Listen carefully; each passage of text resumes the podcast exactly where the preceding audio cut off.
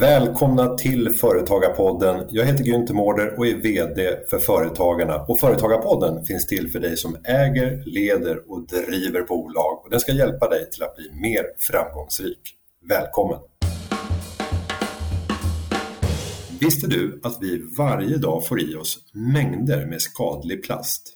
Idag ska vi möta en prisad entreprenör som har utvecklat en teknik som kan lösa problemet en gång för alla.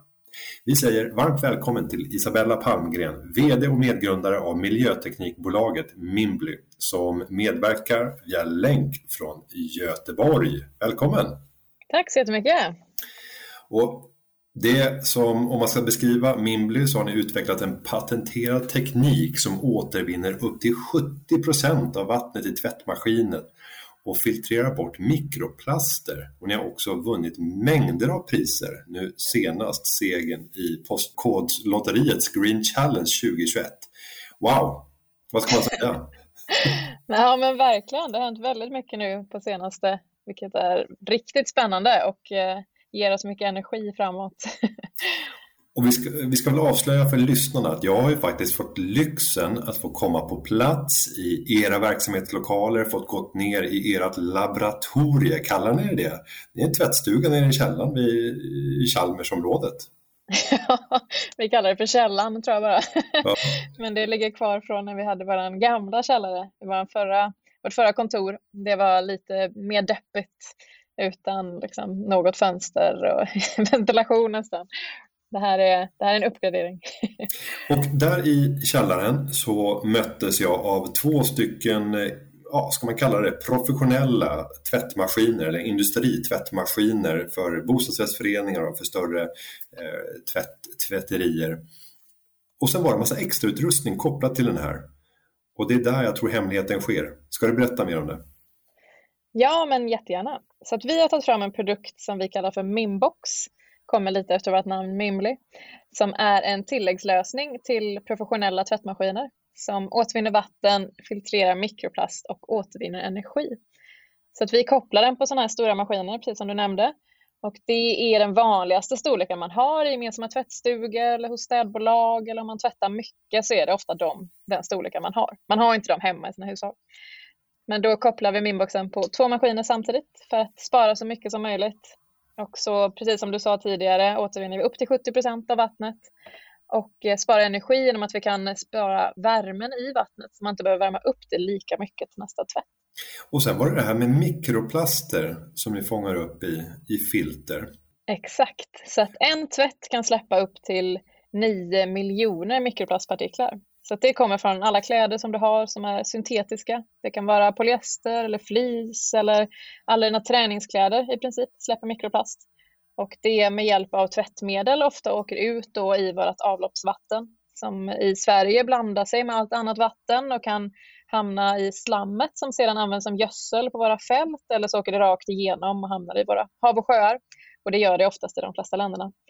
Och då vill vi fånga upp detta på plats vid källan där det faktiskt släpps, vilket är tvätt där 35 procent av mikroplasterna som finns i haven faktiskt kommer ifrån. Och då funderar jag på den här mikroplasten, vad får den för effekter på oss människor och djur? Vet vi det? Det är mycket forskning som pågår kring exakt hur farligt det är för oss. Det som de har sett hittills är att plasten binder in till mycket farliga ämnen, så det kan vara alltså pesticider, det kan vara andra toxiska ämnen som eh, sen äts de av plankton eller av fisk eller av oss. Så att vi får i oss mikroplast i liksom vatten och mat, egentligen allt som vi förtär. Men de har sett att hos fiskar att det påverkar deras reproduktion och deras reproduktionsorgan. Och sen har de sett att det har liksom kommit vidare i foster som har fötts från djur som har fått i sig mikroplast. Så att de ser ju att vi har det i våra kroppar och nu är väl frågan egentligen hur farligt det faktiskt är. Och med eh, er produkt så löser ni ju flera olika problem. Det är både vattenbesparing, det är energibesparing för man kan återvinna värmen i vattnet och det är mikroplasterna. Om du ska titta på de olika delarna som ni faktiskt skapar någon typ av värde i, vilken tycker du är viktigast för er? Oj, det kanske är vatten vatten då. Det var där vi började och det var så Mimbly blev ett bolag egentligen. Bara att använda vårt vatten på ett smartare sätt. Och sen har de andra mikroplastbitarna kommit till lite senare och även energin. Och där finns det väldigt mycket mer vi kan göra för att spara ännu mer energi i min boxen eller liknande system. Så att där, det kommer väl ifrån att jag har bott i lite olika delar i världen där det har varit en del vattenbrist och man märker att det är mycket problem med vatten i många länder. Till och med i Sverige, när det är varma somrar märker vi det längs kuster och öar att grundvattennivåerna sjunker och det blir torrt i våra brunnar och det är ett växande problem. Så det var väl det som var grunden till bolaget, att spara vatten och nu till slut har blivit att göra hållbara tvättlösningar. Och när jag kommer in eh, i den här källaren och får se Mimboxen, eh, där all the magic happens, så tänker man så här att ett innovativt bolag med en ny teknik som revolutionerar och som förändrar. Det här måste ligga tiotals miljoner i utvecklingskostnader för att ens komma fram till en sån här prototyp. Är det en rättvis beskrivning av verkligheten? Ja, det skulle jag säga att det är. Det kostar väldigt mycket mer än vad man eh, tror och hoppas. Och hur gör man för att lösa det om man eh, bestämmer sig för att lösa det här problemet som du redan under studietiden började du skissa på de här lösningarna? Ja, men precis. Vi vill gärna bygga en fysisk produkt som eh, skapar förändring. Jag tror att det finns, eller det finns väldigt mycket mjukvaruprodukter som kan göra det mer effektivt att använda både energi och vatten, vilket är superbra och använda det som faktiskt finns. Men sen till slut så kommer vi behöva hårdvaruprodukter också och fysiska produkter. Så att vi började utveckla Minboxen med hjälp av Energimyndigheten till en början. Vi fick ett eh, mindre bidrag som var till att bygga en, en första prototyp och testa konceptet och se så att det faktiskt gick. Eh, så det gjorde vi under studietiden samtidigt som CSN betalade för oss så att vi kunde plugga, vilket var väldigt smidigt första året. Jag gick på entreprenörsskolan på Chalmers där man har ett helt år på sig att faktiskt starta sitt företag. Och sen fick vi även lite stipendier det första året från Göteborg Energi och lite Åforsk och liknande som gick till att faktiskt börja och komma igång. Och, och vilka fördelar och eventuella nackdelar ser du med att starta upp ett företag under studietiden? Nu hade du en speciell studietid eftersom du till och med gick ett entreprenörsprogram. Men, men om vi tänker att man kanske inte gör det utan man går och pluggar till civilingenjör, jurist eller ekonom eller någonting annat. Eh, vad finns det för för och nackdelar som du ser det med att starta bolag? Det finns nog väldigt många på båda sidor tror jag. Ehm, det är väl att det tar väldigt mycket tid och det tar väldigt mycket energi. Så pluggar du på heltid, eh, jag är också civilingenjör och det kräver väldigt mycket kraft att gå igenom en sån utbildning och att man får ta vara på sig själv så att man inte bränner ut sig när man pluggar. Så att då kan det vara bra att kanske smidigt börja lite vid sidan om och kanske ha det inte jobba heltid med både och för att det kommer bli kämpigt tror jag. Men man kan preppa och göra liksom startjobbet eh, så att man direkt när man är färdigpluggad kan hoppa på det eller om man väljer att avbryta sin utbildning för att faktiskt starta företag. Det är ju väldigt många stora entreprenörer som har gjort eh, både här och utomlands. Men eh, om man ska testa att starta företag någon gång med så lite risk som möjligt så är det väl när man pluggar eller när man är så ung att man kanske inte behöver försörja andra människor och eh, kan ta lite större risker än vad man kan göra vid andra tillfällen i sitt liv. Och om du tittar på ett, eh, ett hypotetiskt resonemang här. Om du hade startat upp företaget idag, hade vi sett ett annorlunda Mimbly jämfört med det som växte fram under studietiden? Och vad hade varit eventuellt annorlunda? Det tror jag. Om jag hade startat det med all kunskap jag har idag så hade det nog startats upp på ett lite annorlunda sätt, tror jag. Det är nog mycket med men, i vilken miljö man startar sitt företag och i vilka liksom, inkubatorer och acceleratorer man är med i. Och det finns så mycket att välja på att man, man vet inte vad man ska göra och man vet inte vad som är bra och vad som är mindre bra och vilka personer som är duktiga som hjälper till och så vidare.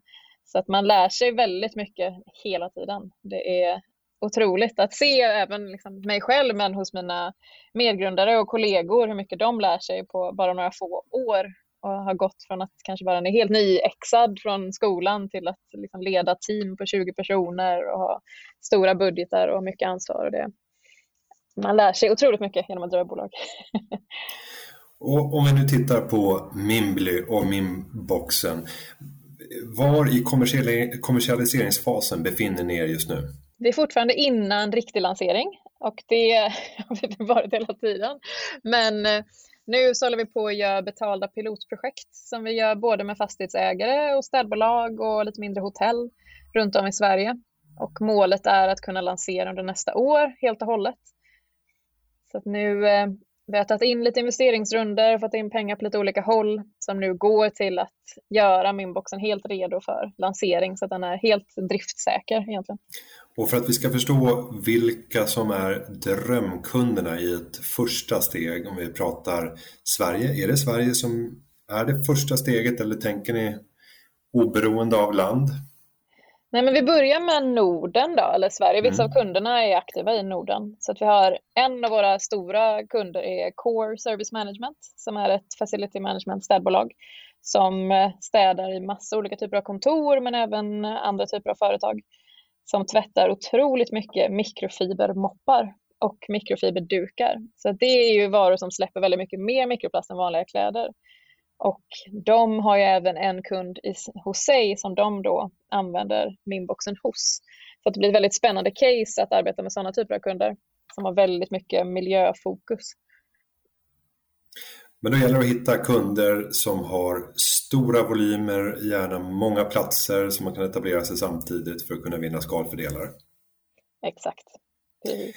Eh, och om vi tittar längs en, en sån här resa från en idé till att ta fram en prototyp, vidare till att göra någonting som faktiskt går att testa i skarp miljö och sen vidare ut i kommersialiseringsfas. Det är ju lite grann som att tänka här, framtagning av läkemedel. Det var ju en liknande process men ser lite annorlunda ut och lite andra processer. Eh, längs den vägen så brukar det ju inte sällan dyka upp aktörer som idag är verksamma inom området och vill förvärva hela bolaget för att få hela den kunskap som har byggts upp. Hur har det sett ut för er? Har ni fått uppköpspropåer? Vi har inte fått några officiella erbjudanden eh, kan jag säga, men vi har haft väldigt mycket diskussioner med vitvarubolag från hela världen egentligen. Så det är inte bara här i Europa utan de eh, de hittar oss väldigt snabbt eh, och har full koll på vad vi håller på med. Och mikroplastfiltrering är en väldigt stor fråga i vitvaruvärlden för att det kommer komma krav och regler på att man måste filtrera mikroplast i tvättmaskiner. Och det är ett problem som är väldigt svårt att lösa. Så att det finns några startups som fokuserar på detta. Men vi är de enda som fokuserar på vattenåtervinning, mikroplastfiltrering och energibesparing samtidigt. Egentligen. Så att det, vi vill jättegärna samarbeta med de stora vitvaruaktörerna och få ut lösningarna på, på en större marknad för då kan vi ha mycket mer påverkan och spara mer. Och hur ska en, en sån, eh, ett sånt upplägg se ut med en vitvarutillverkare? Vill ni komma in med ett eget varumärke i ett befintligt varumärke och kunna synas tillsammans? Eller tänker ni tanken att ja, vi står beredda att släppa tekniken och licensiera ut utan att vi syns eller hörs i de sammanhangen? Hur resonerar ni? Ja, men det är vi vill göra, tror jag. Att kunna licensiera ut tekniken och stoppa det inne i tvättmaskiner. Minboxen har så himla mycket teknik som går att använda även kanske i diskmaskiner och tvättmaskiner och andra funktioner där man använder vatten. Så det är någonting vi, vi kollar på aktivt. Men jag tror att det är väldigt svårt för de här stora bolagen att samarbeta med startups på ett, på ett bra sätt. Det är klart att det finns några bra exempel, men att det är svårare när det kommer till hårdvara tror jag också än när det kommer till mjukvara. För då måste man utveckla någonting tillsammans och ska vi utveckla det då eller ska de utveckla det? Eller ska vi utveckla det tillsammans och vem äger då vad? Då liksom. Så det är, det är lite komplicerat som jag upptäcker mer och mer. Sen en vanlig sak eh, när det kommer till tekniska innovationer är ju att eh, andra aktörer köper utrustningen för att sen montera ner den till molekyler och ta reda på hur har ni gjort? För att sedan återskapa någonting som har skillnader men i grundfunktionen ändå åstadkommer samma sak och tar kanske år av arbete som ni har i ert utvecklingsarbete och kopierar och släpper en produkt som är liknande. Hur skyddar man sig från den typen av kopiering? Det tror jag verkligen kommer bli ett ännu större problem nu när vi lanserar på riktigt och kanske till slut inte har full koll på vart systemen finns. Så det är ju många som har eh, velat köpa dem och installera dem i sina rd avdelningar och säger att eh, det är för att de vill hjälpa oss kanske. Men eh, man får vara lite försiktig. och vi är nog väldigt försiktiga. Men sen är det ju även att skydda allting med, med patent, det som går. Så att vi har flera patent på systemet och vissa har redan blivit godkända och vissa är i processer och att skydda dem i flera olika länder och, och så vidare. Sen till slut så blir det väl att vill någon verkligen kopiera dig så kommer de väl att försöka komma runt alltihopa. Men då får man försöka vara snabb till marknaden och få ut fler produkter och ha en bättre produkt och en bättre användarupplevelse och customer support och allting runt omkring. Ja, för hur tänker ni kring möjligheten att kunna skydda sig? Varje entreprenör drömmer ju om att kunna här, patentera allt det man tar fram och sen så få ensam rätt. Men det är ju ganska små förändringar som man kan göra och, och då har lanserat en, en annan typ av produkt. Hur är ert förhållningssätt till, till patent och synen på, på patent? Ja, där tror jag att man ser på det ganska olika. Vissa struntar i det och kör på och så är man snabbast och så gör man allting publikt. Ehm, patent kostar ju väldigt mycket. Det är väldigt dyrt ju mer länder du går in i och du ska bara att kanske skicka in ett patent kanske kostar 50 000 med en patentfirma. Och då i början är det väldigt mycket pengar men sen när du ska välja länder så kommer det kosta lika mycket i vissa länder att ansöka för det ska översättas och det är mycket fis och fram och tillbaka. Och så att jag förstår ju att det blir väldigt dyrt till slut att ha mycket patent. Men eh, jag tycker ändå att det är väldigt bra att undersöka om det går att skydda någonting och om man kan det så försök att skydda det allra viktigaste. Men man får ju säga att ni har varit om er och kring er, ni har synts och visat upp och det här har också renderat i att ni har fått mängder av stipendier och vunnit många priser, vilket knappast kan göras, eh, kan, kan sägas att ni har, har flugit under radarn. Eh, men, men om vi då tittar på prisskörden eller stipendierna, vad är ni mest stolta över hittills? Stipendieskörden, det har jag inte, har jag inte hört tidigare. Eh, ja, gud, Nej, men det senaste priset vi vann nu med Postkodlotteriet är ju jättestort. Herregud, det är ju fem miljoner kronor som vi får som stipendie. Det, det är svårmatchat som inte liksom är låst till en specifik budget utan vi kan använda det till precis det vi behöver. Sen har vi fått ett eh, väldigt stort stipendium av EU till exempel förra året på 20 miljoner ungefär, vilket också är extremt roligt. Det var flera tusen bolag som söker och runt 60 som får. Sen tror jag personligen även att eh, jag var med på Forbes 30 under 30 i våras Det var väldigt roligt eh, och en, en bucket list moment för mig. mm, den är snygg. Eh, och, och, och, där sitter man ju och funderar över de här pitcherna som du har gjort i många sammanhang där du står inför en väldigt namnkunnig församling och många av dem är stora investerare också och eh, personer som, som har eh, gjort gigantiska investeringar i liknande bolag som löser globala problem. Hur förbereder man sig för den typen av, av pitchar? Gud, ja det är att eh, öva, öva, öva och försöka att eh, tala tydligt, ha mycket energi men även att ha pitchcoacher och få hård feedback och inte ta det personligt utan att bara ta till sig allting och sen köra på igen, filma sig själv, se hur man låter, se hur man står. Gör man liksom, har man något tics man håller på och skakar, då kommer folk kolla på det. Eh, kan vara vad som helst. Men jag tror att till exempel den här EU-pitchen då när vi kom med i deras accelerator förra året. Då visste vi att vi har skickat in en ansökan. Nu har vi en intervju på en pitch på 15 minuter. Och efter det så kommer de säga ja eller nej till 20 miljoner. Så det var nog den mest nervösa pitchen som jag har gjort för att pitcha det själv hela bolaget. Och sen eh, visste man ingenting på flera veckor. Och eh, det var nervöst för att de letade efter något jättespecifikt och då hade vi drillat flera gånger med lite fuskjurys som eh, fick lyssna in och ge oss hårda frågor. Och, men annars är det att eh, stå på scen så mycket du bara kan. Och, det där tycker jag är spännande tips. Det där med att filma sig själv när man gör framträdanden oavsett vad det är. Eh, lysande tips. De flesta är ju väldigt nervösa över att bara höra sin egen röst. Mm. Får man dessutom se sig själv så kan man övervinna många av de där hindren som finns mentalt i att man faktiskt kan bli trygg med hur jag låter och hur jag ser ut. Men sen så, eh, pitch coacher. Vilka, vilka brukar du använda som coacher? Är det personer i din närhet eller är det professionella pitch coacher? Nej, men jag har nog jag har fått lite professionella i olika sammanhang. Så när man varit med i olika tävlingar eller olika event när det har varit att de har tagit in en pitchcoach som drillar en egentligen i presentationsteknik. Så då har jag verkligen försökt att utnyttja det så mycket jag bara kan och ta in allt de säger egentligen. För oftast är de ju väldigt duktiga. Ibland kanske de säger saker som man inte håller med om och det behöver man väl inte lyssna på. Men det kan vara små saker, liksom hur man uttalar vissa ord, att du måste tala mycket tydligare, prata långsamt. Jag pratar väldigt snabbt ofta, eh, vilket inte uppskattas på scen. jag skrattar ofta väldigt mycket, det ska man inte göra på scen kanske.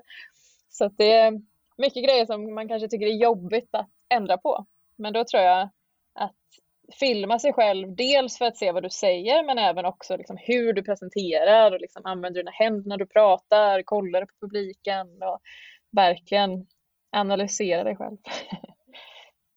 Ja, många tips och det där är ju någonting, om vi pratar pitchandet, som många eh, företagare tycker är, är ganska jobbigt för det är ju inte det man håller på med. Man gör ju någonting annat och sen så tvingas man upp där och presentera. Och mycket står på spel många gånger. I ett fall så har det varit många stora eh, stipendier och tävlingar när jag deltagit i. Eh, och i andra lägen så handlar det om, om investeringsrunder. Du har ju även varit över till Silicon Valley och eh, presenterat bolaget. Hur eh, har reaktionerna varit i USA? jo, men det, det har varit väldigt spännande. Vi pitchade även i New York på Nasdaq eh, på ett jättestort event. Så det har varit en del presentationer i USA och där är det ju bolagen som pitchar i USA pitchar på ett annat sätt än vad man gör i Sverige. De hävdar ju liksom att så här, vi är nästa Google och vi är det bästa bolaget som finns. Även om vi är tre personer så är vi mycket bättre än Google. Eh, det kanske man inte säger så mycket i Sverige för att man om man är tre personer så är man kanske oftast inte bättre än Google. Man kanske är bra på en liten del som de gör och det är helt fine. Men eh, man har ett självförtroende som vi inte har här i Norden tror jag. Men eh, annars har det varit väldigt bra mottaget. Det är mycket mer fokus på affären kanske än vad hållbarhetsbiten är i fokus. Lite skillnad från Kalifornien och, och New York-sidan. Jag ska säga Silicon Valley så är det fortfarande väldigt mycket fokus på impact och hur mycket kan du spara. Men du måste fortfarande även spara väldigt mycket pengar. Och Minboxen sparar ju pengar också så det är ett bra case och speciellt i Kalifornien där kostar vatten väldigt mycket mer än vad det gör i Sverige. Så där kammar den ju hem sig väldigt fort och då blir det någonting som man man ser som väldigt positivt där. Men du, du säger att det finns stora skillnader som du ser det, ja, både från kust till kust i, i USA. Men om, om, vi stannar på östkusten i USA och funderar över just inställningen till hållbarhetsdimensioner i företagandet. Är det ett, ett mycket lägre fokus i, i, New York till exempel jämfört med vad du ser i eh, Sverige och övriga Europa? Ja, det skulle jag säga av det som jag har sett när vi har varit där. Det betyder inte att det är så helt och mm. hållet. Men eh, det var mycket fler frågor. Vi var och pitchade på så New York Tech Meetup eh, med mycket andra entreprenörer. Och där var det mycket frågor som var liksom kring så här, oh, men ska vi återanvända vårt vatten och det är inte hälsosamt och liksom, varför ska vi göra det? Och mycket jag vet inte, personliga åsikter som kanske kommer emellan det var någonting som vi trodde sen när vi installerade i Sverige också skulle vara ett problem. Att hur ställer sig folk till att återvinna vatten? För att det kan vara en faktor som folk tycker är äckligt. Att här, folk tycker att det är lite äckligt att återvinna vatten när man duschar fast man tycker inte det är äckligt att bada i sitt eget vatten. Så det är liksom psykiskt bara att man, man har en annan inställning till det. Men det har inte varit några konstigheter när vi har, vi har ställt ut liksom, iPads när vi har installerat här i Sverige också och det har inte varit ingen som har kommenterat på den biten vilket är intressant. Men eh, allting går ju väldigt mycket snabbare i USA. Mycket större investeringsrunder. Det är klart att det kostar väldigt mycket mer att driva bolag där. Eh, men eh, det, det är en annan mentalitet där man ska liksom jobba 100 timmar i veckan och du ska växa hur snabbt som helst. Och lite kanske ohållbart på ett sätt som vi i Sverige inte har, vilket jag tror är, är bra. Om man kollar i slutändan så kommer det ut väldigt bra bolag i Sverige som är hållbara i att de har kvar sina anställda och de växer på och de har en bra affär och en bra idé. Ja, för hur tänker du när det gäller att eh, bygga det här teamet och skapa den kultur som ska föra er mot de mål som ni har satt upp? Vad är de viktigaste delarna för dig i ditt ledarskap när det gäller skapandet av av kultur och den, det teamet som ska arbeta utifrån kulturen? Ja, jag tycker att det är väldigt intressant för att det är jag vill ha ett team med mycket mångfald, både i liksom vart man kommer ifrån eller vart man pluggat eller hur gammal man är och eh, vad man har för läggning och så vidare. Alla ska vara välkomna och alla ska känna sig välkomna. Det ska inte bara vara någonting man säger utan man ska aktivt jobba efter det. Så att jag tror att man, för att kunna göra det så måste man ha det jämlikt från styrelsen och ner, vilket vi har i bolaget. Vi har eh, tre av fem i styrelsen som är kvinnor till exempel. Hälften av bolaget är kvinnor, hälften är män. Vi har många olika nationaliteter och pratar många olika språk och har bott i många olika länder, alla av oss, men nu bor i Göteborg. Så att jag tror att det är viktigt att alla ska känna sig välkomna, men också visa aktivt att om det är någonting som händer som inte är okej okay, så tar man tag i det och man berättar att det inte är okej okay, eller kanske väljer bort en person som eh, söker in som inte passar in för att det kanske hänt någonting som gör att någon annan blir obekväm eller det passar inte in i våra team. Passar säkert jättebra i andra team, men inte i vårt team. Och om vi pratar om vinsterna som ni upplever det med eh, mångfaldsdimensionen när ni rekryterar ett team. Vilka är de främsta och starkaste eh, skälen till att ni vill jobba med så bred mångfald som möjligt? Jag tror att man får ut mer innovation om man gör det. Man ser saker på olika sätt.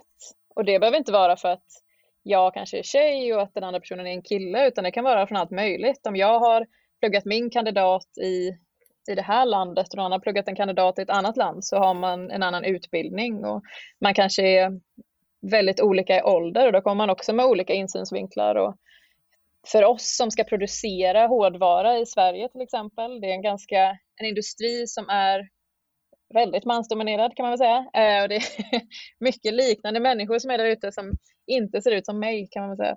Så där är det bra att också ha den kompetensen inhouse i vårt team. Även om jag kanske är den som har diskussioner med dem och så, men ändå så att jag förstår hur de tänker, att vi har det internt. Så att jag tror att det är bra för att kunna sätta sig in i allas situation lite mer ja, lite luddigt. Mm. Men om vi då går till det svenska företagsklimatet. Eh, du har nämnt lite kopplingar över till USA, förändrad syn och, och allting ska gå snabbare. Om du tittar på företagsklimatet i Sverige då. Hur eh, skulle du betrakta det och vad skulle kunna bli bättre enligt dig? Gud. Ja, jag tycker att vi har väldigt bra företagsklimat i Sverige. Det är klart att det alltid går att förbättra, men vi har väldigt mycket möjligheter till att starta ett företag till exempel. Det finns väldigt mycket bidrag man kan få från liksom Almi eller Energimyndigheten, Vinnova, alla de här aktörerna som finns till för att kunna hjälpa dig att komma igång och komma på fötter.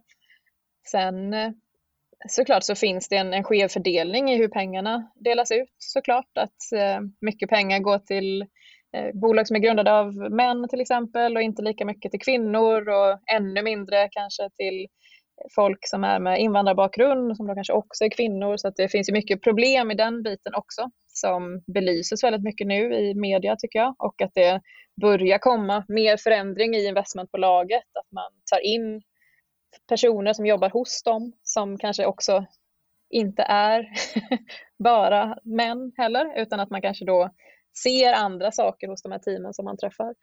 Så att jag tror att det, det finns mycket inkubatorer, mycket acceleratorer, det finns mycket hjälp att få om man är villig att be om hjälp och fråga om hjälp. Och om vi ser på ert val med att driva bolaget från Göteborg, inte flytta till eh, Berlin eller Tel Aviv eller Silicon Valley eller Austin. Eh, vad är det som gör att ni drivs av att vara kvar i Göteborg? Vad är det bästa?